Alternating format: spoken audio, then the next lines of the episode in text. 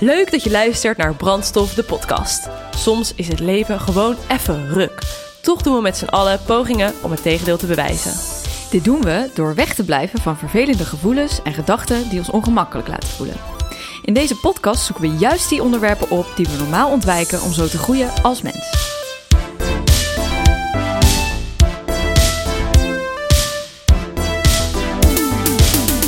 Zo. Jezus, wat hebben wij toch een mooie intro. We hebben wel een eh, lekker introotje, ja. Die song. Echt. De oorworm. Dat? Oorworm, ken je dat niet? Dat is een deun, deuntje dat in je oor blijft nagalmen. Oh, wow, dat wist ik helemaal niet. Ja, meid, je leert nog eens wat. Maar wow, we hebben hier eigenlijk nog nooit... Heeft iemand iets gezegd Nee. over onze... Heel Song. disappointing. Ja.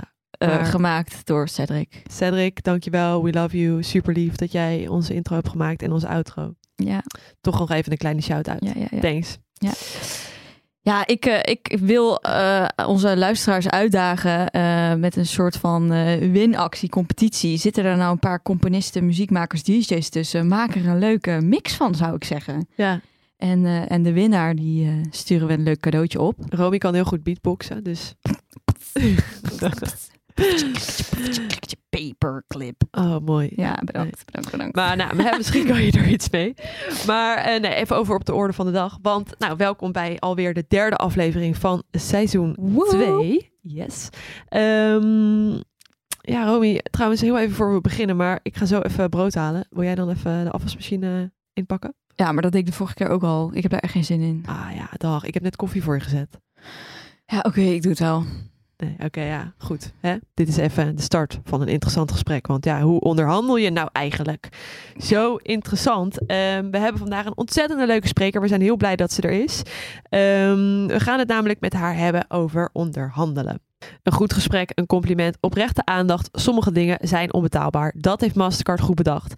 Maar als we naar onszelf kijken, vinden we het maar lastig om onze waarde te bepalen en om hierover te onderhandelen. Het gaat niet enkel om het concept geld, het raakt ook onze eigen waarde. In Nederland zijn we zo lekker gewoon gebleven dat over geld praten helaas nog steeds een taboe is. Maar wil je krijgen wat je verdient, dan zal je wel moeten. Je krijgt namelijk niet wat je waard bent, je krijgt wat je onderhandelt. En dus is het belangrijk om hierover te praten. Wij kunnen over dit onderwerp nog heel veel leren en daarom schuift strategisch onderhandelcoach Merel van der Woude van Blackbird Negotiations vandaag bij ons aan. Nou, welkom Merel. Dank je. Superleuk dat je er bent. Ehm, nou, om even af te trappen, om even te beginnen. Naast jouw werk eh, als onderhandelcoach ben je ook een veelgevraagd spreker eh, op events. Heb je knallende Instagram. En sta je volgens ons heel bewust in het leven. Ehm, dus nou, we zijn eigenlijk heel benieuwd. eh, wat is je verhaal en wat drijft jou om dit te doen? Eh, weet je, jou, dit pad wat jij nu aan het bewandelen bent. Ja, en bedoel je dan eigenlijk echt vanaf het begin? Want het is, het is wel echt het rode, een soort rood draad in mijn leven. Nou, vertel. Ja. ja, ja, ja. ja. Toen ik, ehm, ja, het idee, laat ik zo beginnen. Het idee van gelijkheid, rechtvaardigheid, opkomen ja, voor rechten, maar ook, ook echt duidelijke grenzen stellen, ehm, heeft er altijd al in gezeten. Dus als kind ging ik echt eh, op zevenjarige leeftijd of zo, ging ik de deuren langs om eh, handtekeningen te verzamelen tegen stierenvechten. Weet je wel, en dat, dat zat er gewoon al helemaal in. Die onrechtvaardigheid vond ik heel erg lastig. En ik, ja, ik, ik dacht ook altijd wel dat ik het verschil kon maken. En dat denk ik eigenlijk dus nog steeds. Het is niet dat ik per se de wereld, dat ik denk dat ik de wereld kan veranderen, maar wel dat ik mezelf kan veranderen. En nou ja, iedereen die je daarbij al kunt inspireren, is er weer eentje. Dus het idee van nou ja, rechtvaardigheid, gelijkheid, opkomen zat erin. Dat ging altijd door op de basisschool. Uiteindelijk ben ik rechten gaan studeren. Sloot ook heel erg mooi aan. Ben heel even de advocatuur ingegaan, eh, de Zuidas in Amsterdam. Toen uiteindelijk eh, de internationale consultancy. En nou, heel veel geleerd, superleuk, maar ja, er miste toch iets. En dat is heel erg grappig, want er ging dus iets knagen. Dat idee van, is dit het nou? Ik was zo eh, 29 en eh, is dit het dan? Is dit nou eigenlijk waarvoor ik op deze aarde ben? En ook gewoon echt die realisatie van, hé, maar waar is dat meisje wat altijd heel erg opkwam voor de rechten van dieren en voor vrouwen en voor, voor zwakkeren eigenlijk? Waar is die gebleven? Want je bent nu eigenlijk gewoon een consultant eh, in de bankenwereld in, eh, in corporate eh, Noord-Amerika. En nou, dat ging gewoon knagen. En moet ik er ook wel bij zeggen, ik heb altijd heel stevig onderhandeld. Dus opkomen voor jezelf, dat, dat hing ook altijd samen met geld. Ehm, dus ik, ja, ik heb altijd heel erg leuk onderhandeld. Ook mijn leuk expertcontract. Maar het was niet meer genoeg. Hmm. En eh, ja, zo dacht ik eh, eigenlijk tijdens een retreat op Hawaii. Wat ik gewonnen had. Waar dus daar geloof ik ook allemaal in. hè. Ik wist zeker dat ik, Ah, dat ik dat retreat ging winnen toen ik meedeed met een, ehm, met een evenement waar je dat kon winnen. En eh, Ah, grappig. daar besefte ik gewoon van, ik zit hier niet meer goed. Je kent toch dat alles in je lijf schreeuwt gewoon van, wow, er moet verandering komen. En Mhm. ehm, nou ja, toen heb ik mijn baan opgezegd, ben ik terug naar Nederland gegaan. Dus gekeken naar waar ben je goed in, wat heeft de wereld nodig en, en waar kan je geld mee verdienen. En zo kwam ik bij onderhandelen. En dan voornamelijk voor vrouwen, zodat ik die kon helpen. Ah, Dus dat is eigenlijk de, ja, de Wauw, journey mooi. naar, ja, Heel naar onderhandelcoach. Ja, super mooi. mooi. Het sluit ook heel erg aan. Wij hebben dus een, eh, een aflevering opgenomen over eh, inleiding tot de spiritualiteit slash het vinden van je purpose. Waarbij het purpose dan eh, nou, misschien een woord is wat, wat een beetje een vreemd gevoel opwekt. Bij jou bijvoorbeeld Annemijn. Maar in feite is het dit wel. De rode draad van je leven. Ja. En dat je dus in iedere vezel in je lijf voelt van dat gevoel van is dit het nou? Ik herken Ja. dat heel erg. Ja. ja. Ja, weet je wat gewoon grappig is? Dat, dat die Engelse woorden. Ik heb natuurlijk gewoon vijf jaar in het buitenland gewoond en ook, en ook daar een jaar gestudeerd. Dus ik gooi heel het Engelse woorden doorheen. En mijn vader krijgt er dus ook echt jeuk van, noemt hij dat. Ehm, dus sorry voor alle luisteraars die dat ook hebben. Maar ik gooi dus... het gewoon de lading ja, wel. maar ik gooi Ja. gewoon heel de tijd Nederlands en Engels door elkaar. Ik weet niet, ik vind het gewoon lekker. Ja. Ja. Maar ik herken meer mensen die er echt jeuk van Ik wilde al bijna zeggen, Nee, maar- ja, ik vind dat ook wel nice. Ik doe En dat ook ik wel. Echt nice, hè? Echt heel nice. Ja, super nice. maar ik doe dat denk ik zelf ook wel. Maar het is meer, nou, daar hebben we het in die aflevering ook over gehad. Over je purpose of zo, weet je wel. Alsof het een soort van cadeautje is wat je gaat uitpakken. Ja, nee. Snap je wat ik bedoel? Zeker, het is een heel mooi proces. Ja. Nee, inderdaad. Ja. Snap ik heel Ja. goed. Hey, en terug naar het onderhandelen. Is, is het ook iets wat jij herkent uit, uit je jeugd bijvoorbeeld? Dat je dat hebt meegekregen? Of is het echt vanuit jezelf geweest? Ja, nou, ik denk wel dat het een heel groot deel vanuit mezelf is geweest, omdat ik me nooit liet tegenhouden door een nee. Eh, maar ik moet wel eerlijk zeggen, mijn vader heeft, ik denk dat mijn vader er ook heel goed in is. Die, die is advocaat en die heeft eigenlijk altijd al voor, ja, eigenlijk voor de zwakkeren opgekomen. Dus die is echt de linkse advocatuur ingegaan. Eh nou ja, zo is hij ook begonnen. Eh, nou, dan verdien je echt geen reet, maar dan hielp je wel echt, echt de mensen. Ja. En ja, als mijn vader ergens voor gaat, dan gaat hij echt tot het gaatje. Al, al gaat het om een telefoonrekening die niet oké is. En eh wil niet een grote telecomprovider. nou ja, ja, eigenlijk een lesje leren. En, en dat gaat niet door middel van een brief. Dan gaat hij door tot aan de rechtbank. En dat idee van je recht halen en opkomen voor je Ja. recht. Ik denk wel dat dat dus ook van mijn vader erin zit. Maar ook, ook vanaf kind gewoon al. Ik dacht altijd, nou nee, nee, joh. Maar ik kan toch gewoon dan kijken of we er op een andere manier uitkomen. En dat zijn hele kleine dingen. Want ik was dus, vorige week ging ik winkelen voor een nieuwe bank. En toen was hij dus niet leverbaar in de winkel. En we stonden daar. En toen zei die meneer, nou dan kan je bestellen online. Dus wij zeiden, nou gaan we even online bestellen. Zei ik, oh 40 euro verzendkosten. Maar, hè, maar ik, ik sta nu hier in de winkel. Zeg ik, ja, ik vind het eigenlijk dan ja, toch eigenlijk best wel vervelend. Want ik sta hier nu met een auto klaar. Omdat jullie hem niet hebben, moet ik nu die verzendkosten betalen. Hmm. Dan zei ik, en toen dan zeg ik altijd, maar wat is dan je oplossing? En toen zei hij, toen zei, dus, zei hij dus, dan moet je even naar mijn manager. Dus toen legde ik het uit. Zei die manager, ja, ik begrijp, begrijp je wel. Zei ik, heb je dan een oplossing? Zei hij, ja joh, dan eh, bestellen we hem gewoon hier en dan krijg je de verzendkosten. Dus het zijn gewoon hele kleine Ja. dingetjes. En was jij toen bijvoorbeeld samen met je vriend of was je alleen? Nee, ik doe dat dan alleen. Ja, oké. Ja, mijn vriend is er wel bij, maar ik ga dan naar de manager en dan blijft mijn vriend daar staan. Want wat vindt jouw vriend er dan van? Denk Nou, je soms hij- ook, nou, Merel, eh, het is wel goed. Nee, nee, hij vindt het wel heel leuk, maar hij zei wel, hij zei, ik, en ik weet niet of dat waar is, hij zei wel, als ik het had gedaan, was het niet gelukt. Mm. En hij zegt, ik, en dan zegt hij altijd, ja, maar vrouwen komen daarmee weg. Ik Zeg, nou, dat weet ik niet, maar ja, Jij staat gewoon wel. in je kracht. En weet je, ik, het ga, ik ga ook niet de strijd aan. Het is meer Nee. van, weet je, ik ben er niet heel tevreden mee. Hoe kunnen we dit oplossen? En dan zeg ik ook daarna van, nou, ik ben heel erg blij dat je het zo mooi hebt opgelost. Dank je wel. En weet je, dan zijn we allebei blij. Ja, Ja, en dat zeker. was als kind dus ook gewoon al. Kleine dingetjes en ja, Ja. ging gewoon altijd regelen. ja, grappig. heel mooi. Ja. Superleuk. Ja. Ja, nou ja, waar, waar wij heel benieuwd naar, naar waren, ook eigenlijk gewoon voor de grap. Ja. Ehm, eh, wat dacht je toen je ons voorstel zag voor de podcast? We zijn natuurlijk, eh, we zijn gewoon, we verdienen helemaal geen geld. En wat dacht jij toen? Dacht je van, nou, Nou ja, ik was wel grappig. Ik krijg heel vaak dit soort vragen eh, natuurlijk, omdat ik natuurlijk onderhandelcoach ben. Maar ik, ja, ik zie het altijd wel tweeledig. Dus aan de ene kant kan je geld verdienen en aan de andere kant kan je ook iets heel moois neerzetten. Kijk, niet alles hoeft natuurlijk geld op te leveren. Waarde zit hem dus meer dan alleen in geld. En dat zeg ik ook heel vaak tegen mijn klanten. Je hebt aan de ene kant dus het gevoel dat je, dat je iets goeds doet. Dat is heel waardevol. Aan de andere kant wil je ook die financiële waardering. ja, Ehm, maar toen ik die aanvraag zag, dacht ik, nee, ik vind het super tof wat jullie aan het doen zijn. En ik kijk gewoon naar alle aanvragen die ik krijg en dan, dan kies ik er een paar uit waarin ik aan meedoe. Ehm, plus ik zeg altijd één keer per jaar spreek ik ook gratis op een evenement. Dus vorig jaar heb ik dan voor United Nations Women in Nepal gesproken. Hmm. En dat is dan een soort van mijn manier van giving back. Dus het betekent ook niet altijd dat ik overal geld voor vraag. Maar het moet wel een soort van gelijkwaardige manier zijn waarop we waarden uitwisselen. En ik Ja. dacht, ja, ik vind het gewoon een heel interessant gesprek met jullie. Ja. Dus ja, voor mij is dat dan ook waardevol. ja, waardevol dat is ook zo'n mooi woord. Ja. Ja, wij hebben hier natuurlijk ook al een keer een podcast over opgenomen. Over Over energetisch, eh, ja, wat, wat e- iets energetisch ergens voor terugkrijgen hoeft niet altijd in de vorm van geld te zijn. geld is een Ja, vorm, ja. maar Ja. het hoeft er niet altijd te zijn. Dus dat is nee, en wat ik ook wel geloof met, met eh, de, ener- de energie rondom geld is dat je ook, je moet wel echt vrij kunnen geven voordat je kan ontvangen. Ja. Eh, en je merkt toch zelf ook als je heel erg angstig bent met geld en je gaat niet uitgeven, dan komt er ook veel minder binnen. Ik, Ja, ik ervaar die dat zelf flow. ook. Ja, Ja. je moet hem echt laten flowen en daardoor moet je ook echt, je moet echt eerst geven. Geloof ik echt Ja. in. ja. mooi.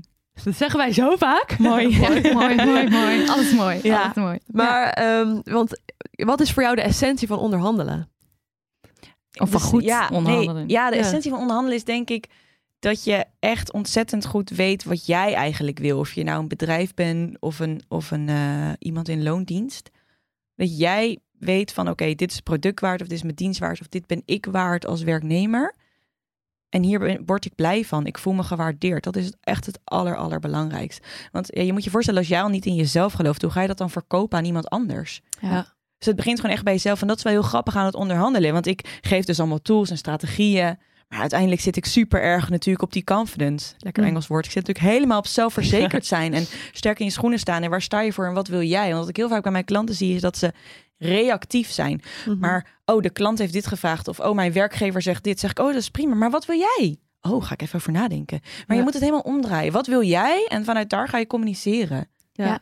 ja, want jij, Rome, jij vertelde laatst een keer aan mij van dat eh, toen jij nog in jouw zoektocht was naar banen, dat jij heel goed bij een sollicitatiegesprekje jezelf naar binnen kon lullen. Maar dan zat je op die functie en dan dacht je, ja, maar huh, dit is het eigenlijk helemaal Wat, niet. wat wi- wil ik dit eigenlijk wel? Weet je wel, dan Ja. krijg je een telefoontje. Ja. Romy, superleuk. We zijn helemaal enthousiast. Je bent het geworden. En dat ik dan ineens dacht, oh, error. eh, wil ik dit eigenlijk wel? Ja, maar ik denk dat het heel herkenbaar is voor Ja. heel veel. Want dat is ook, ik heb wel het idee dat onze maatschappij zo is ingericht. Hè? Ik denk ook dat onze, dat hele schoolsysteem zo is ingericht. Het schoolsysteem is toch om uiteindelijk te gaan werken voor een leidinggevende. We worden helemaal niet opgeleid om vrij te denken en te gaan voor wat je echt wil. En heel prestatiegericht. Ja, Ja. ja. en ik, ja, ik ben er, nou, ik ben sowieso niet helemaal eens met het systeem. Dus dat, dat is een ander, dat is een ander verhaal.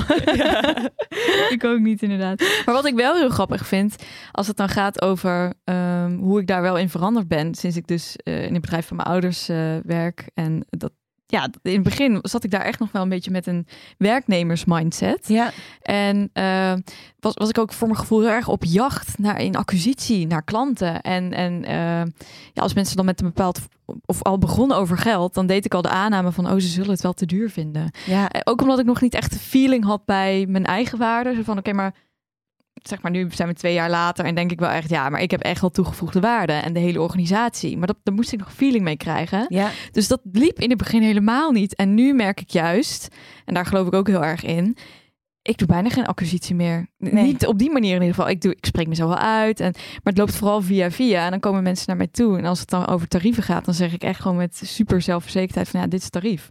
ja. En ja, dat betekent dat sommige mensen daarna niks meer van zich laten horen. Dan is het niet mijn klant. Nee, dat is prima. En dat, maar Ja. dan is het ook prima. Omdat ik voel, ja, maar dit, dit is wel wat ik waard ben. Ja, dus, ik, ja, dus jij zegt eigenlijk ook wat ik echt de essentie vind van onderhandelen. Ja, Want weet je wat het ook is? Als jij 100% gelooft in die, in die prijs. Als ik bijvoorbeeld even naar mezelf kijk toen ik als werknemer eh, ging emigreren naar Toronto. Ik voelde 100% aan alles in mij. Plus het onderzoek wat ik had gedaan, dat, dat ik dit bedrag waard was. En eh, het is best wel een stevige onderhandeling geworden. Daar heb ik er ook zoveel van geleerd. Maar ik kon gewoon geen ja zeggen tegen het voorstel wat ze mij deden. Alles aan mij schreeuwde nee, nee, nee. En als ik ook naar de feiten keek qua marktwaarde, klopte het gewoon niet.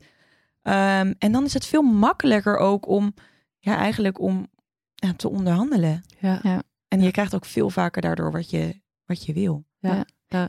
ja en ik merk bijvoorbeeld, ehm, eh, nou, eh, als voorbeeld, ik eh, ben yogalerares, alleen ik merk dus dat yogaleraren echt heel, nou vind ik dan, slecht betaald worden. Ja, Eh, terwijl je, ja, je bereidt een les voor, je gaat er met heel je hart in, je, je deelt echt vanuit, nou, wat jij denkt op dat moment dat resoneert en goed is, je voelt de, energie van de groep aan, ga zo maar door.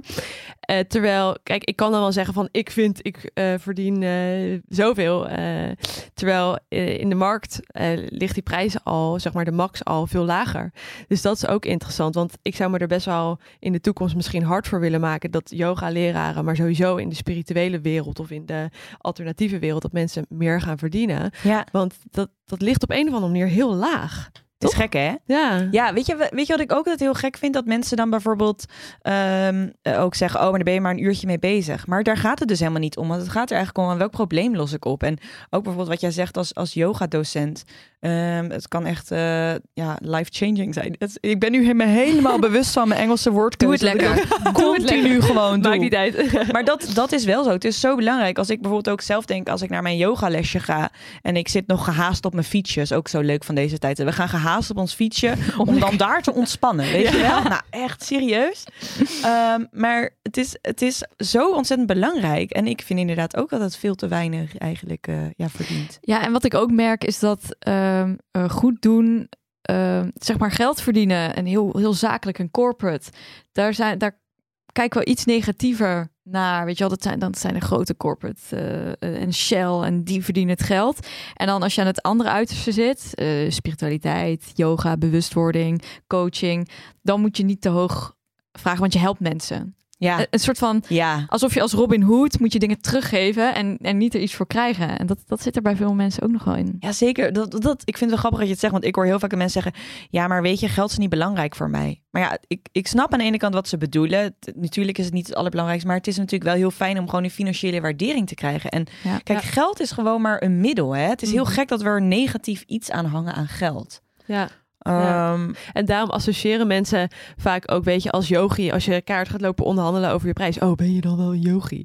Ja, ik vind van wel. ja. Want dat is gewoon de energetische waarde die ik ervoor wil terugkrijgen. Omdat ik met mijn hele hart dit doe. Zeker. En ik vind gewoon dat ik dat verdien. En ik denk dat, dat, we daar, dat is een beetje een taboe of zo wat daarop ligt. Ja, ik denk nog steeds dat er ook sowieso een, taboe op geld ligt. Want als ik ook aan mijn klanten vraag van bijvoorbeeld... weet jij, eh, weet jij wat jouw andere werknemers verdienen? Nee, dat weten ze allemaal niet. Wordt niet over gesproken. Weet je, we delen echt ontzettend veel. Maar als je vraagt, wat verdien je eigenlijk of wat is je omzet?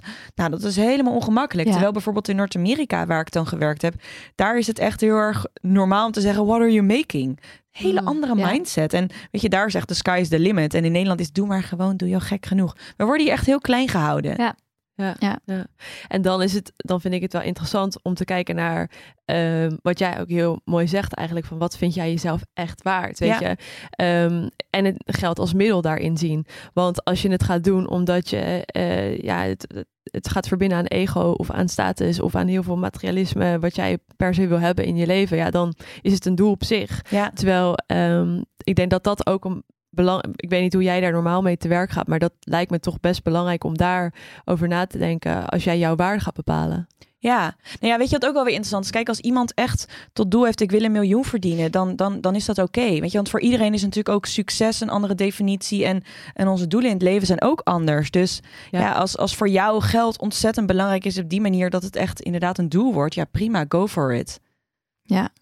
Ja, Dat, is, dat vind ik ook eigenlijk wel een mooie. Want daar doen we vaak ook heel moeilijk over. Van nee, maar je moet wel een andere waarde hebben of zo. ja, ja. Terwijl als dat gewoon je doel is en je wordt daar blij van. Ja, ik zou daar op zichzelf niet blij van worden. Maar ja, als iemand anders dat dat doel heeft. ja. nee, maar ja, doen, ja. nee, ik ook niet. Maar zoveel mensen, zoveel wensen natuurlijk. We zijn allemaal zo ontzettend anders. En we proberen allemaal maar een soort van keurslijf onszelf te prakken. En dat werkt gewoon helemaal niet. Dus ik denk gewoon dat we ook gewoon ieder daarin moeten laten bepalen van wat wil jij. En daar kom je er ook weer eigenlijk op hetzelfde uit. Van wat wil Ja. jij en wat vind jij belangrijk? Nou, dan is dat oké. dan moet je daarvoor gaan. Ja, dat vind ik ook wel mooi. Want ik had dus laatst dat ik ook vanuit mijn eh, vriendenkring en, en nou ja, kennissenkring ook wel. Dus de, de ring ook daar, daarachter wel. Dat ik eh, wat vragen kreeg van... Oh, Romy, heb je even een uurtje tijd om een koffietje met mij te drinken? En normaal, weet je wel, ik voelde me gevleid. En ik dacht, oh, de Robin Hood in mij dacht... Ja, ik ga iedereen helpen. op een gegeven moment kreeg ik het ook wel... Nou, ik had het al wel, wel wat drukker. En op een gegeven moment merkte ik van... Ja, jeetje, die vraag begint nu zo te stijgen. En toen dacht ik van... Het voelde niet meer goed om er helemaal niks voor te vragen. Wel natuurlijk bij mijn beste vrienden en zo. Dat is gewoon part of the friendship. Maar ik merkte gewoon in die ring daarna of zo. En niet om daar onderscheid in te maken. Maar ik merkte gewoon van ja, oké, ik moet hier wel nu eerlijk en transparant over zijn. Anders gaat het niet meer goed. Ja. En ik vond het best wel spannend, maar ik heb gewoon in, eh, in Canva zo'n eh zo'n programmaatje waar je lekker mee kan designen, heb ik gewoon een, een documentje gemaakt voor vrienden en kennissen. Zo van, oké, om een soort van eenduidig antwoord te geven van, oké, ik wil heel graag een, een uur of anderhalf uur tijd investeren.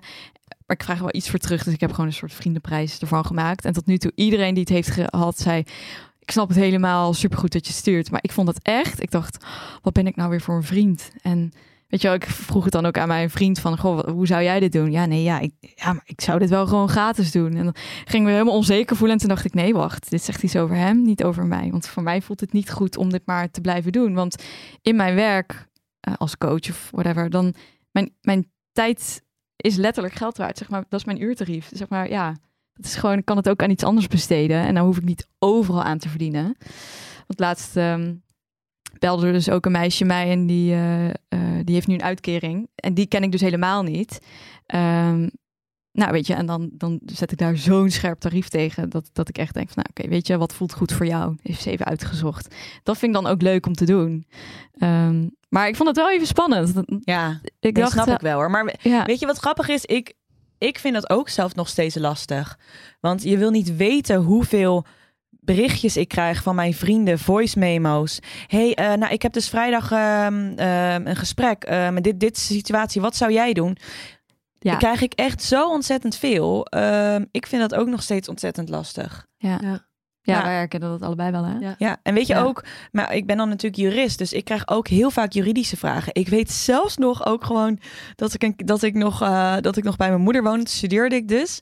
En toen stond er ook gewoon een keer een, buur, een buurvrouw aan de deur en ik was gewoon aan het studeren en die zei, ja, jij bent toch jurist? Ja, ik heb een probleem. Die stapt gewoon ongeveer naar binnen en wow, zo'n soort van in die personal space. En ik, ja, ik vind dat, ik vind dat zelfs moeilijk, terwijl ik echt super goed in nee zeggen ben.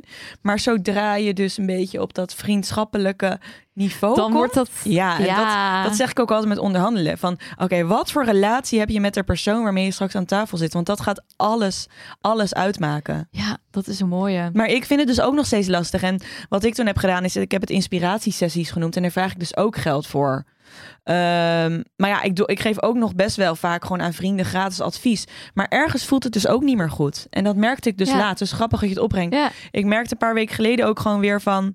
Het is gewoon nu te veel. En ik, Dat- weet je, ik heb ja. hartstikke veel kennis. En het is ook mijn tijd. ja, ja, Ehm, precies. En hetzelfde geldt voor koffietjes drinken. Hè? ja, Eh, ik kreeg van vandaag gewoon vier appjes. Ja. En toen stuurde ik naar die persoon, het zit er deze week even niet in. En toen stuurde die persoon iets door in de trant van, ja, je leven moet wel flowen, eh, maar afspraken inplannen is ook goed of zo. En toen dacht ik, oh wauw, dan gaat iemand eigenlijk continu over mijn grenzen heen. Ja, teleurstelling ja, ja. projecteren op. Maar ja. dit is ook allemaal, ja. maar dit is ook allemaal onderhandelen en dan weer Ja. dat nee zeggen en wat ben ik dan waard en mijn Ja. tijd. Ja, Ja. ja. ja, zeker. Maar het is gewoon forever Heel ongoing mooi. journey, Ja. weet je wel, leren. Maar eigenlijk begint onderhandelen dus al. ehm, ja, misschien klinkt dat raar, maar het begint eigenlijk al überhaupt met vrienden of familie. Gewoon, eh, ga je pleasen of niet? Ja, Weet je, ehm, ik was heel erg een pleaser. Ik ben het soms nog steeds, maar ben me er wel bewuster van. Alleen, ik leer wel door meer nee te zeggen, zeg ik wel ja tegen mezelf. Ja. En dat is misschien wel de, ja, de basis. ja, dat is echt. Ja. Ja. Nee, want, want we zijn zo geneigd om continu maar ja tegen anderen te zeggen, waardoor we uiteindelijk zo vaak nee tegen onszelf eigenlijk hebben gezegd dat je helemaal geen ruimte hebt en meer tijd voor jezelf en Ja. je ook helemaal niet meer ten eerste voor jezelf kan zijn, maar eigenlijk ook niet meer voor die andere persoon. Dus ja, Ja. ja, nee, dat begint inderdaad al hartstikke vroeg. Ja. En wisten jullie trouwens dat je drie tot zeven keer per dag gemiddeld gewoon onderhandelt, hè? Is dat Gewoon- zo? Ja, gewoon met je partner, maar ook bijvoorbeeld dingen Oh, als, ja. weet je wel, van ja, wie gaat dan de afwas doen of, of de vaatwasser inruimen of wat gaan we eten, wie gaat er naar de appie, Dat, Eh, ja. Ga ik sporten? Dus zelfs een onderhandeling met jezelf. Ga ik sporten? Ja of nee? Nee, ik ga morgen. Ehm, echt ja, van alles. Met je leidinggevende. Oh. eh, Ja, het is continu een exchange van. continu. Ja, Dat maar we is zijn er dus best wel goed in. Maar zodra het over geld gaat, wordt het dus lastig. Wordt het awkward. wow. Ja, en dat is, dan het, dat is dan het moment waarop het dan ja, eigenlijk omdraait. En dan vinden mensen onderhandelen eng. Ja. Ja. Zo, dat is grappig. Want eigenlijk de angst die eronder zit, is denk ik. ehm, Oeh, wat als die, zeg maar, door te onderhandelen, door met geld dan bijvoorbeeld, door uit te spreken, nou, dit zou ik eigenlijk willen. Oeh, wat gaat die ander daarvan vinden? Terwijl als Ja. ik aan mijn vriend bij wijze van vraag van, hey, jij kookt toch? Boeit het mij echt helemaal niet. Als hij dan zegt, ja, flik lekker op, eh, kom van de bank, eh, ja, het is nou jouw beurt. Dan denk ik, oké, leuk geprobeerd. Terwijl als het dan over geld gaat, dan denk ik ineens weer, wow, wow, wow, wow, wat vinden mensen van Ja. mij? Vinden ze mensen mij nou een gier of... Ja, Ja, grappig. grappig. Dan Ja, verandert en dus we alles. vinden gewoon een nee lastig, hè? Terwijl we eigenlijk moeten we zoveel meer comfortabel wo- worden, ook gewoon met nee zeggen, maar ook nee leren ontvangen. Het is oké. Ja. Maar op de een of andere zijn we dus bang voor een afwijzing en, en dus ook weer Ja. ja, beoordeeld worden. ehm, Ja, want die afwijzing gaat dan dieper. Ehm, ik ben niet goed genoeg. Ja, Ja, daar zit hij uiteindelijk. Ja, wat ik, Ja. want bijvoorbeeld van vrienden of collega's of zo, is het natuurlijk ook over het algemeen een taboe om echt te praten over wat verdien jij nou Ja. precies. Nou, bij vrienden is dat misschien al echt wel een stuk anders. In ieder geval als ik kijk naar, wij lullen over alles. ja. Maar bij, voor sommige mensen is dat ook nog best spannend. Ja, Maar ehm, bijvoorbeeld de organisatie waar ik twee jaar geleden werkte, daar, eh, ja, daar wist niemand van elkaar wat, wat iedereen verdiende. Nou, bekijk ik, bekeek ik het toen heel erg vanuit de werknemerrol, omdat ik dacht van, oh, eh, maar ik ben eigenlijk wel benieuwd wat eh, zij en wat zij en wat zij verdienen. Want dan heb ik veel meer een beeld van, nou ja, hè, wat, wat hier normaal is, maar ook misschien in de rest van de markt in mijn functie. Alleen, eh, nou, ik ga natuurlijk over een half jaar eh, mijn eigen bedrijf starten en ik krijg dan mensen binnen. En dan, ja, in hoeverre ga ik daar dan transparant over zijn? Dat vind ik best spannend. ja. Waarom? Nou ja, ehm, mensen, die, ja, ja, ik heb het idee dat er, in ieder geval de organisatie waar ik heb gewerkt, dat mensen soms best wel ehm, achter de rug van de eh, werkgever kunnen gaan praten over geld. Snap je wat ik bedoel? Terwijl Ja. eigenlijk zou je een cultuur moeten ontwikkelen waarin, weet je, waarin er heel veel begrip is ook voor de werkgever eh, en voor de werknemers. En dat je met elkaar iets heel moois kunt neerzetten. Ja, Dat zou ik het liefst willen. maar eigenlijk hoor ik je dan zeggen transparantie. Ja, wel dus. Ja. De- denk ik. Hè? En dat begint dus eh, als je werknemer bent, ook door, door te communiceren. En ik vroeg bijvoorbeeld, als ik als werknemer was, oké, ik wil gewoon weten, wat, wat, wat zijn de salarisschalen? Het Ja. was allemaal ontransparant. Maar ook als jij straks natuurlijk zelf je bedrijf op gaat zetten, dan wil je ook een, een dergelijke eh, transparantie. En dat betekent het niet dat iedereen hetzelfde verdient, hè? maar het is wel een richtlijn. Ja. Kijk, iemand die meer onderhandelt, kan daarvoor be- beloond worden. Kijk, we zijn natuurlijk ook allemaal heel anders.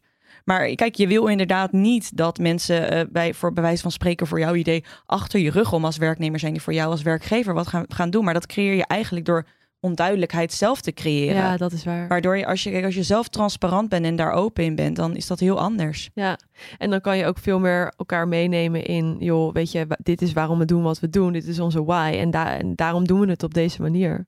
Ja, en weet je, kijk, iedereen is anders. Hè? Elke werknemer is anders en die wordt daardoor ook anders ja, beoordeeld. In de zin van beloond. Ja, Dus ook al maak je bij wijze van spreken een, een, een, een soort sheet waarin je zegt, nou, dit is ongeveer de marktwaarde voor deze functies. ja. Ehm, daar, hangt, daar zit nog zoveel verschil in. Ja. Daar kan je hartstikke mee spelen. Want stel voor iemand die nu luistert en die gaat misschien binnenkort een onderhandeling in met manager, Ja. hoe, hoe weet je nou precies je eigen, je eigen marktwaarde? Ja, je hebt daar dus bepaalde tools voor. Dat vind ik heel handig. Oh. Ehm, je kan bijvoorbeeld bij uh, op intermediair.nl via salariskompas kan je dus een salarisrapport laten afdrukken. Um, en ik ben ook heel erg fan voor de internationale markt voor PayScale. En dan kijk je dus eigenlijk van, oké, okay, uh, wat ben jij waard in jouw industrie met jouw jaren ervaring, met jouw leeftijd, met jouw opleiding? Um, in welke stad je werkt, in welke branche je werkt, groot, klein, midden. Het is echt bizar. Uh, wat ben je dus waard? En dan wordt een peer group gecreëerd. En PayScale heeft bijvoorbeeld een database met 54 miljoen profielen wereldwijd. Dus je moet je voorstellen dat er altijd wel is die uh, iemand die vergelijkbare skills heeft, uh, opleiding, jaren ervaring, dezelfde stad woont, hetzelfde bedrijf. Mm, ja. En daar rolt dus een cijfer uit. En dat, dat is eigenlijk je uitgangspunt. Plus, wat voor bedrijf ga jij werken? Zijn daar bepaalde salarisschalen? Plus, wat denk jij dat je waard bent? En dat alles komt samen, dan kan je het heerlijk onderbouwen. Ja. Ja, ja want uh, ik zit ook gelijk te denken aan een, een, een, vraag van een van onze luisteraars. Die zei van, um, die solliciteert dus naar een functie met mbo uh, werk- en denkniveau, maar ze heeft hbo behaald. Ja. En toen zei ze, maar toen ik met mijn salaris onderhandelde, zei mijn HR-manager, ja, maar je solliciteert zelf voor een functie met mbo opleidingsniveau, dus. Ja, daar ben ik het wel mee eens. Want ja. dat, er is duidelijkheid vanaf het begin. En je solliciteert op een MBO-functie. Um, betekent niet dat, dat dat ook per se zo be uh, beoordeeld moet worden. Maar kijk, een bedrijf is op zoek naar iemand met bepaalde skills op MBO-niveau. En dat is vaak een ander, ander tarief dan ja. HBO. Ja. Um, dus ja, ik snap dat wel. Ja. ja, nou ja, ik snap het inderdaad ook wel. Ik snap haar ook wel dat ze zoiets van ja, oké, okay, maar ik heb toch meer skills. Maar ja, dan zouden ze voor jou misschien ook iemand anders aan kunnen nemen. Die ja met minder salaris ook ja zegt. Maar ik denk dat, ik dat, dat, dat de luisteraar eigenlijk bij zichzelf moet afvragen van wil ik dit eigenlijk wel? Of wordt het idee onder mijn niveau werken? Ehm, want waarschijnlijk ben je in die zin overgekwalificeerd. Ja. Ja. Ja. Dus eh, ja, kijk, ik zou daar bijvoorbeeld dan nog niet op solliciteren. Of ik zou bellen en zeggen: hey, eh, het klinkt als een hele interessante functie. Ik heb interesse, maar ik heb eh, HBO-opleiding afgerond. Wat Ja. zijn de vereisten en in hoeverre kunnen we kijken? Of weet je, heel vaak is ook zo'n begingesprek ehm, even kijken of je, of je een match bent. En misschien kan je dan binnen het bedrijf wel wat anders doen. Ja, Dus er liggen heel veel mogelijkheden. aangaan. Ja, maar ik Ja. zou altijd even bellen ook van tevoren. goeie. Ook een goede, Ja. ja. Hey, ik wist, ik ken, ik ken eigenlijk die, die website waar jij het net over had, had, had ik echt nog nooit van gehoord. Dus dat is op zich al echt heel Ja. goed om te Nee, weten. maar dat- die vraag is, die krijg ik echt zo ontzettend vaak van. Maar wat weet ik dan wat ik waard ben? Bijvoorbeeld als werknemer. Ah. Dat kan je, je kunt dus gewoon onderzoek doen naar je marktwaarde. Van wat ben jij waard op de markt? En dat kun je dus gewoon staven op objectieve criteria. En het enige wat jouw werkgever kan zeggen is: we hebben het budget niet of we gaan het niet doen. Maar hij kan niet zeggen dat is niet waar. Ja, En dat geeft je zoveel zelfvertrouwen. Want dat is uiteindelijk waardoor je succesvol wordt in Mm. onderhandelen. Als je zelfverzekerd Ja. bent. En als je plus nee durven zeggen. en voorbereiding. Ja, en, maar die marktwaarde is natuurlijk je voorbereiding. Je moet zo'n goede voorbereiding hebben. Ja. Als je geen goede voorbereiding hebt, dan ga, dan ga je gewoon nat. Ja. En ik vergelijk het dus altijd met een marathon. Dat is wel leuk. Ik loop dus zelf marathons. En dan ehm, denk ik ook altijd, weet je, je hebt gewoon een doel. Over, bij wijze van spreken, over een jaar ga je marathon lopen. En ik geloof echt dat iedereen, oké, met beperkingen even aan de zijkant geschoven, dat iedereen een marathon kan lopen. Het is echt super mentaal. Je kunt gewoon een jaar lang gaan trainen. En je kunt op twee kilometer beginnen en dat gewoon opbouwen. Eh, je wordt er beter in. Nou, dan heb je tegenslagen, krijg je blessures, wordt lastiger. Maar uiteindelijk kan je dat gewoon doen. En dat is met onderhandelen ook zo. Je, je kan een doel zetten. Over een maand ga ik mijn salarisonderhandeling in. En ik ga dat oefenen. Ik ga mijn onderzoek doen. Ik ga kijken welke opties heb ik. Welke strategie kies ik. Welke tools ga ik gebruiken. Ja, uiteindelijk Ja. word je er gewoon goed in. Maar je moet dus niet er te makkelijk over denken. Dus daarom zeg ik altijd, wie kan er morgen een marathon lopen? Zegt meestal iedereen, ik niet. Zeg, ja, dan zou ik morgen ook niet onderhandelen. Maar het was wel heel grappig. Ik stond daar op het podium en toen vroeg ik, ehm, wie kan er morgen een eh, marathon lopen? En dan staken er gewoon drie. Drie een hand op. Trainen mensen. Ja, ja, dus ja, moest ik heel erg lachen. Dat was, Shit, ja, nou, ja, mijn metafoor. grapje eigenlijk helemaal. Ja, mijn metafoor ging helemaal mis. Hey, en je zei net ook al iets over eh, welke onderhandelingsstijl. Ehm, Kun je daar ook iets meer over vertellen? Eh, Verschillende onderhandelingsstijlen. ja. Ja, zeker. Nou, ehm, je hebt in de literatuur vier tot vijf eh, onderhandelingsstijlen. En degene die je eigenlijk het liefste wil is de explorerende stijl. En het woord zegt het al. Van, je staat eigenlijk open om eh, ja, echt onderzoek te doen. Om het verhaal van de wederpartij te horen. Maar ook je, jouw verhaal op tafel te leggen. En eigenlijk tot, tot, een, mooie samen, ehm, tot een mooie samenwerking te komen. Of, of een contract. Hmm. Ehm, het na- nadeel daarvan is van de explorerende stel dat iemand dus zoveel opties gaat bespreken dat het gewoon heel lang duurt. En ehm, dan heb je nog, eh, even denken hoor, welke doe ik als tweede? Ehm doen we even de laatste. Dat is een beetje het, eh, het- de vechterige persoon. Ik denk dat jullie die wel kennen. Dat, die staat eigenlijk lijnrecht tegenover de explorerende stel. Dat is echt zo'n my way or the highway persoon. Hmm. Ehm, en ja, dat is gewoon ontzettend lastig onderhandelen. En meestal is het zo iemand die zegt, nou ja, hier, hier, hier is het contract, dit kunnen we je bieden en anders niet. Ehm, hoe, hoe ga je daar dan mee om? Nou, daar heb je dus ook wel weer bepaalde manieren. En wat dus heel belangrijk is, is om eerst te kijken, oké, welke onderhandelingsstijl heb ik? En waar, waar zit er bij mij eigenlijk nog ruimte om eh, ja, eigenlijk iets te verbeteren? En welke onderhandelingsstijl heeft waarschijnlijk mijn wederpartij? Want je kunt je voorstellen als iemand met een vechterige stijl eh, eigenlijk het gesprek al ingaat. Wat jij dus niet moet doen, is er ook met, met een vechtige manier in, met weerstand. Ja. Het enige wat je eigenlijk continu moet doen, is focussen op datgene wat jullie samen willen. ehm, en hoe jullie dat samen kunnen bereiken. Ja. Ehm, het is eigenlijk niks anders dan invloed uitoefenen om te krijgen wat je wilt. Ja. En ook, eh, ik vind het wel mooi dat je dit zegt, ook om dan dus het einddoel of het grotere geheel in, in, in Ja, ogenschouw te nemen. Want ik nu jij dit zegt, ik hoor dit bij zoveel klanten van ons terug die bijvoorbeeld een conflict hebben met een van de medewerkers. En eh, nou, die gaat, daar wordt dan uiteindelijk een vaststellingsovereenkomst voor opgemaakt. En Ja. ehm, nou, die, die partij die heeft dan ook allerlei wensen. En dan worden wij wel eens ingevlogen van, oké, ga dat eens begeleiden en zo. En dan eh, hoor ik ook wel eens eh, wat iemand dan eist. En dan heel, meestal, niet altijd, maar meestal komt het bedrijf daar dan best wel oké mee weg. Dat zeg ik dan ook altijd van, joh, wees je er wel van bewust. Dit is eigenlijk best wel oké. Ja, maar de vakantiedagen. Ja, maar ik zeg ik, doe nou daar niet te pushy over. Ook al voelt het voor jou onrechtvaardig dat iemand al eh, niet meer komt werken en, en wordt vrijgesteld van arbeid. En- Maar laat het los, laat het gaan. Ga Ja. niet over dit kleine dingetje, want daarna dan is het gewoon de deur dicht en dan wordt het één juridische zaak. Ja, zeker. Ehm, dus ja, Maar dat is wel mooi dat je dat zegt, want ehm, ik zeg ook heel vaak, nou ja, ook tegen mezelf, choose your battles. Weet je wel, kijk, ik kan natuurlijk ook alles als een onderhandeling zien in mijn leven, maar zo, dat wil ik dus ook weer niet, hè. Ehm, soms zeg ik ook tegen mijn klanten, oké, serieus, is, is zeg maar eh, tien keer op en neer mailen en bellen nou die 200 euro waard? En om een beetje je, de relatie met je klant misschien, ja, een beetje te... Nou ja, dus op een slechte manier te beïnvloeden. Is dat het nou echt waard? Je moet altijd echt een beetje de bigger picture in ogen houden. Je hoeft niet altijd de allerbeste deal en het meeste eruit te slepen. Dat is echt totaal niet mijn Nee. stijl. Wat ik altijd zeg is, ik ga uit van win-win onderhandelen. En dat is echt van, er zijn twee partijen en ze zijn allebei blij. Kijk, dan denk ik dat je succesvol bent. En het is wel grappig dat heel veel mensen denken dat, dat ik succesvol ben als ik de allerbeste prijs eruit heb gesleept. En dat vind ik dus helemaal niet. Dat is niet mijn idee van succesvol onderhandelen. Ja. Ik ben blij als ik blij ben met de prijs die ik krijg of met de klus. En als een ander dat ook Ja. is. Ja, want En prima ga je dat er iemand anders- bij voelen. Nee, en prima Ja. dat iemand anders zegt... Nou, als ik het had gedaan, had ik er 200 euro meer uitgehaald. Helemaal dik prima, ja. Ja, ja. Ja, ja, want dat is ook zo. Want je kan natuurlijk wel proberen om een beetje how low can you go met een bepaalde prijs die je ergens voor wil betalen. Maar ehm, ja, uiteindelijk eh, in het kader van eh, verwachtingmanagement gaan dingen dan ook heel vaak mis. En Ja. komt er juist frictie. En dat is denk ik niet wat je wil. nee, Ja. totaal niet. En ik moet dan altijd denken aan, aan het buitenland. Dan zie je toch die mensen op marktjes staan. Dan zeggen mensen als tegen mij... ben je dan supergoed met onderhandelen op van die goedkope Hmm. marktjes... dat je helemaal tot de bodem gaat? Nee, dat ben ik... Dat, want daar hou ik dus niet van. Dat vind ik echt ontzettend naar. Dan, dan staan daar mensen die gewoon, bij wijze van spreken... in, in Zuidoost-Azië al niet heel veel geld hebben. En dan ga jij serieus om een euro... Ga jij weglopen en trucjes uitoefenen? En Ja. nou, dan denk ik echt, nee, dat is het toch niet waar. Bedenk gewoon, wat is een mooie prijs? Vraag een paar prijzen, vraag een beetje rond. Kijk eens hoe ver je kan zakken. Kijk wat normaal is. Is het gebruikelijk om de helft te vragen? Nou, test gewoon een beetje en betaal die prijs dan gewoon. ja. Ja. Dus ik ben helemaal niet die onderhandelaar die dan daar echt het, voor een euro gaat weglopen en zo. Ik heb, ik heb echt Ja. scenario's gezien waar mensen gewoon met een briefje gewoon gaan zwaaien hè, voor, van die shop, voor die shop owners. Nou, echt met tenen krommen gewoon. Ja. En dan, Ik vind het gewoon En bijna respectloos. dat ook. is ook, denk, dat is zo respectloos. Voor hun is dat zoveel geld. ja. En voor Ja. ons is het dus echt precies niks. En dan moet je per se je, ja, je gram halen. je Nee. gram halen voor een euro of vijf euro, alsjeblieft. Ja. Nee.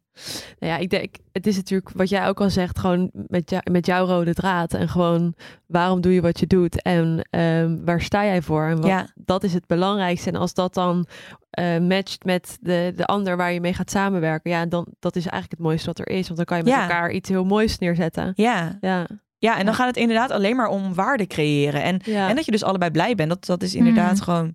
ja, Ja. wat, wat vind ik het mooiste onderhandelen? Nou, als je gewoon twee blije partijen eigenlijk hebt. ja, En dat Zeker. is, weet je wat ook trouwens wel grappig is? Dat ik van heel veel van mijn klanten hoor dat ze heel erg blij zijn dat ze meer geld verdienen. Maar dat, het aller, dat ze eigenlijk het allerblijst zijn met dat ze weten wat ze waard zijn. Dat ze voor zichzelf op durven komen. ja, ehm, en dat ze zich nu gewoon krachtig voelen. ja, Ehm, en dus eigenlijk dus helemaal niet per se het geldaspect. ja. Nee, het is echt meer mindset. Ja. eh, dat aspect. Ja. En ik denk dat dat voor heel veel mensen, eh, weet je, die nu luisteren, die nou meer zouden willen verdienen. Of misschien, weet je, sommige mensen die zitten misschien sowieso helemaal niet op hun plek. En die willen misschien iets heel anders gaan doen, maar vinden die stap heel spannend om te maken. Ik denk dat dat stuk heel belangrijk is, inderdaad, wat jij zegt. Gewoon, word je je bewust van wat is belangrijk voor jou. En als je van die authenticiteit, vanuit die authenticiteit gaat leven, Ja, in ieder geval stap voor stap, dan ja. Het, is natuurlijk niet, het gaat natuurlijk niet gelijk goed. Het is met vallen en opstaan. Kom Ja. je daarbij dichter bij de kern. Hmm. ja, en weet je, iedereen maakt fouten. Ik maak ook gewoon nog steeds fouten met onderhandelen, weet je wel. Dan, nou, dat gebeurt gewoon. Als ik gewoon een beetje gehaast wat doe, dan, dan sluit ik wel eens een deal waarvan ik denk, nou, was dit nou een heel goed idee? Nee. Maar weet je, dat is ook prima. We zijn toch ook gewoon allemaal mensen. En Ja, maak gewoon fouten en daar kan je van leren. En ik denk ook dat we gewoon allemaal niet zo hard voor onszelf moeten zijn. In ieder geval als ik naar mezelf kijk, gewoon, ja, life goes on. Morgen is er weer een dag en dan, Ja. dan staan we er gewoon weer positief in en dan gaan we weer door. En dat, ik denk dat er een, een mooie luistervraag daar ook wel op aansluit. Die zegt eh, van, hoe krijg je meer lol in onderhandelen? Ik vind het nu ongemakkelijk. Maar ik denk Ja. het, het, het vallen en opstaan, wat je eigenlijk net al zegt, dat daarmee ook wat minder serieus wordt, niet minder zwaar. Ja, en, en ik denk altijd, als je gewoon al, stel je voor dat je echt een onderhandeling aangaat met, met een werkgever-werknemerrelatie. En Ja, je komt eigenlijk gewoon al de meeting room in en je zegt, nou, wat fijn dat je vandaag tijd hebt vrij kunnen maken. Ehm, ja, ik wil het heel graag hebben over mijn salaris, maar ook van wat voor potentie er nog in mij zit en hoe we samen kunnen groeien als bedrijf. En dat we hier straks allebei blij weglopen. Als je op die manier een gesprek ingaat, is het zo anders. Ja. Ja. Ehm, ik denk dat je er dan wel veel meer lol in krijgt dan wanneer je het als een strijd ziet. Dus als je denkt, oké, we gaan allebei winnen, is heel anders dan wanneer je denkt, win- winnen, verliezen. Ja. En ik merk dat echt veel mensen er met de win-verlies idee in zitten. En daardoor wordt het ook zo spannend. Ja. ja. Want wat kan je nou verliezen? Ja, maar dat komt denk ik ook omdat wat ik uit ervaring heb gemerkt is dat heel veel werkgevers die, die, die doen echt alsof ze het eh, heel zwaar hebben, alsof ze dat niet kunnen betalen. Snap je? Ja. Bedoel, Die gaan heel Ja. erg in die slachtofferrol zitten. Ja, Ja. maar nee, oh nee, dat kan echt niet. Nee, Nee. dat is heel vervelend voor ons. En daarin is het misschien voor werkgevers ook.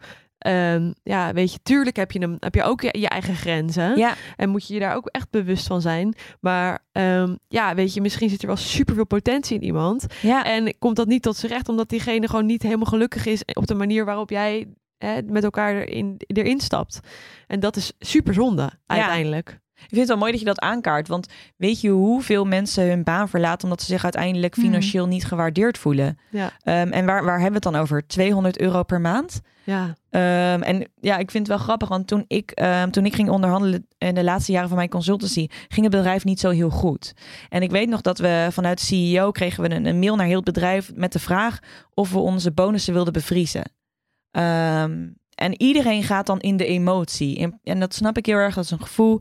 Maar je moet ook altijd je onderzoek blijven doen van... oké, het bedrijf gaat slecht, maar wat zijn dan de cijfers? Ik Hm. was echt de enige die de cijfers dus is gaan opzoeken. En in plaats van dat we, ik noem maar wat, hè, in plaats van dat we 5 miljoen eh, winst draaiden, was het nu 3 miljoen. Dus hoe, hoe zij het schetsen was, oké, we leiden nu eigenlijk eh, schade, of in ieder geval het bedrijf gaat niet goed. Maar ze zetten gewoon nog steeds 3 miljoen om. Sorry hoor, maar dan ga je toch niet aan mijn 10 of 20.000 euro zitten. Ik vind dat gewoon echt niet fair. Dus ik heb als enige nee gezegd. Ehm, en ik, ik voel me daar ook helemaal niet schuldig over. Ja. Dat, dat is toch echt dikke peanuts in Ja. verhouding tot wat zo'n bedrijf omzet. Je moet je echt voorstellen dat eh, de grote bedrijven voornamelijk ook gewoon een commerciële drive hebben. En ehm, nou ja, ik, ik weet niet of er luisteraars zijn die wel eens hun baan zijn kwijtgeraakt. Maar ik ben uiteindelijk mijn baan verloren. En ik weet heel goed hoe erg je dan eh, als een nummertje wordt weggezet. Dus ja, doe echt goed je onderzoek. En weet Ja. je, tuurlijk zit je tegenover een persoon. Maar uiteindelijk gaat het toch een groot deel ook gewoon om financieel gewin. En moet je gewoon je onderzoek doen. ja, goeie. En weet je wat trouwens wel leuk is? De CEO heeft mij toen nog ehm, in, zijn kamer, oh, ehm, in zijn kamer geroepen. En die zei nog van... eh eh, Merel, jij bent de enige die eh, eh, het niet gaat bevriezen. Maar ik vind het heel interessant dat jij eh, bij mij de kamer in bent gekomen. Je bent ook de enige die dat gedaan heeft en die om uitleg heeft gevraagd. En eh, ik moet wel zeggen dat we daarom jou nog steeds houden in tijden van crisis. Dus het, waardeert, het wordt dus nog gewaardeerd ook, hè? ja, ja, ja. Mm. ja. Heel mooi. En stel dat het nou niet gewaardeerd zou worden, dan zit je daar gewoon niet op je plek. Maar dat, ja, dat vind ik dus ook. Dan Ja. zeggen mensen, ja, maar wat als ze dan nee zeggen? Zeg maar, wil jij daar dan werken? Of wil, Ja. jij, wil jij voor die prijs werken als ondernemer? Of wil je als werknemer op zo'n manier eigenlijk ja, behandeld worden en niet gewaardeerd worden? Dan is het ook tijd om te gaan. Dat, vind ik ook. Ja, dus Ja. eigenlijk, Ja. ik, heb er laatst met, ik had het er laatst met een psycholoog ook over. Eigenlijk zijn er maar drie ko- uitkomsten met onderhandelen. Eén, je krijgt dus wat je wilt. Twee, je krijgt niet wat je wilt. Maar je weet nu wel wat je moet doen. Want je hebt bijvoorbeeld op- rondom tafel gezeten en gezegd... oké, op deze manier gaat het niet. Hoe kunnen we dat dan wel doen? Stel je voor Mhm. dat je als werknemer zegt... nu kan dat niet, maar wat moet ik deze drie maanden doen... Als ik dat, om die salarisverhoging te krijgen? Dat zet je dan op papier stuur je me naar de mail en dan zeg je erbij: Oké, als ik het over drie maanden voldaan heb, dan kan ik wel een salarisverhoging. Nou, dat is de tweede uitkomst. En de derde is: je krijgt niet wat je wil. Maar dan zeg ik altijd: heb je een plan B? Je plan B moet gewoon zijn: wat doe je dan? Nou ja, ehm, je plan B is vaak beter dan, dan een nee of een ja op iets slechts. Mhm. Dat zijn Ja. echt de enige Ja. uitkomsten. Dus waar zijn we nou bang voor? Ja, ja. Ja, dat eh, zet alles wel in pers- perspectief, denk Ja, ik. ik denk Ja. wel dat mensen misschien angstig kunnen zijn voor het feit dat stel er komt een nee, dat ze dan tussen aanhalingstekens op straat staan. Ja, En wat dan? ja. Weet je, dat is natuurlijk de angst voor mensen die een vriendin van ons zit nu ook eh, helemaal niet op de plek in een functie en die heeft zoiets van ja, maar als ik mijn baan opzeg, wat dan? ja. En het, ja, dat, dat snap ik wel dat die angst daar is, want dat is natuurlijk ook uh, rete spannend. ja. Alleen aan de andere kant is dat dus de tijd om aan de slag te gaan van maar wat, ja, wat, wat is het dan? Nou, het is natuurlijk weer wat, je toen straks ook al zei. Als je, als je daar ja tegen zegt, zeg je dus nee tegen iets anders. Ja. Dus tegen jezelf. Want ze is niet blij. En ook tegen andere banen. Maar goed, dat is voor iedereen een proces. Ja, nou, dat is hang, Mhm. maar die nee zeggen hangt dus eigenlijk altijd samen met het formuleren van een plan B. En dat hoort dus ook, ook bij je strategie. Van oké, als wat is eigenlijk je ondergrens tot hier en niet verder? En wanneer zeg je nee en loop je dan ook echt weg? Dus je moet voor jezelf ook echt hebben bedacht van oké, wat is mijn plan B? Ja. En uit onderzoek blijkt dus ook, als je een plan B hebt opgesteld, je plan B is bijvoorbeeld, ik ga alvast bij andere bedrijven solliciteren, of ik ga mijn eigen bedrijf starten, of eh, ik ga als freelancer dit, dit, ehm, deze werkzaamheden uitrichten, eh, verrichten. Dan krijg je dus sneller je plan A. Omdat je er dus eigenlijk weer dus niet vanuit angst in zit, maar eigenlijk vanuit overvloed. En Ja. dat is denk ik met alles continu toch. Oké, kies ik dit vanuit angst of kies ik dit vanuit overvloed? Hoe Ja. vaak doen we wel niet iets omdat we denken dat we het moeten? Want eigenlijk is het angst, maar dan Ja. weet je eigenlijk al dat het niet Ja. de juiste is. En dat is ook gewoon het stukje bewust worden. Gewoon Ja. elke keer waarom doe je wat je doet? Kom, waar komt het vandaan? En ik denk dat, weet je, als we gaan leven vanuit, nou, abundance, Engels woord. Eh, eh, oh, liefde, gewoon voor jezelf. Dan ga je veel meer kiezen wat echt past. En ik geloof oprecht, dat heb ik echt gemerkt de afgelopen jaren. Dan kom je veel meer in een flow en ga je veel meer eh, ja, daar, daarin groeien in, in die authenticiteit die echt bij die jij echt bent als, als mens en als ja, gewoon wie je, wie je bent.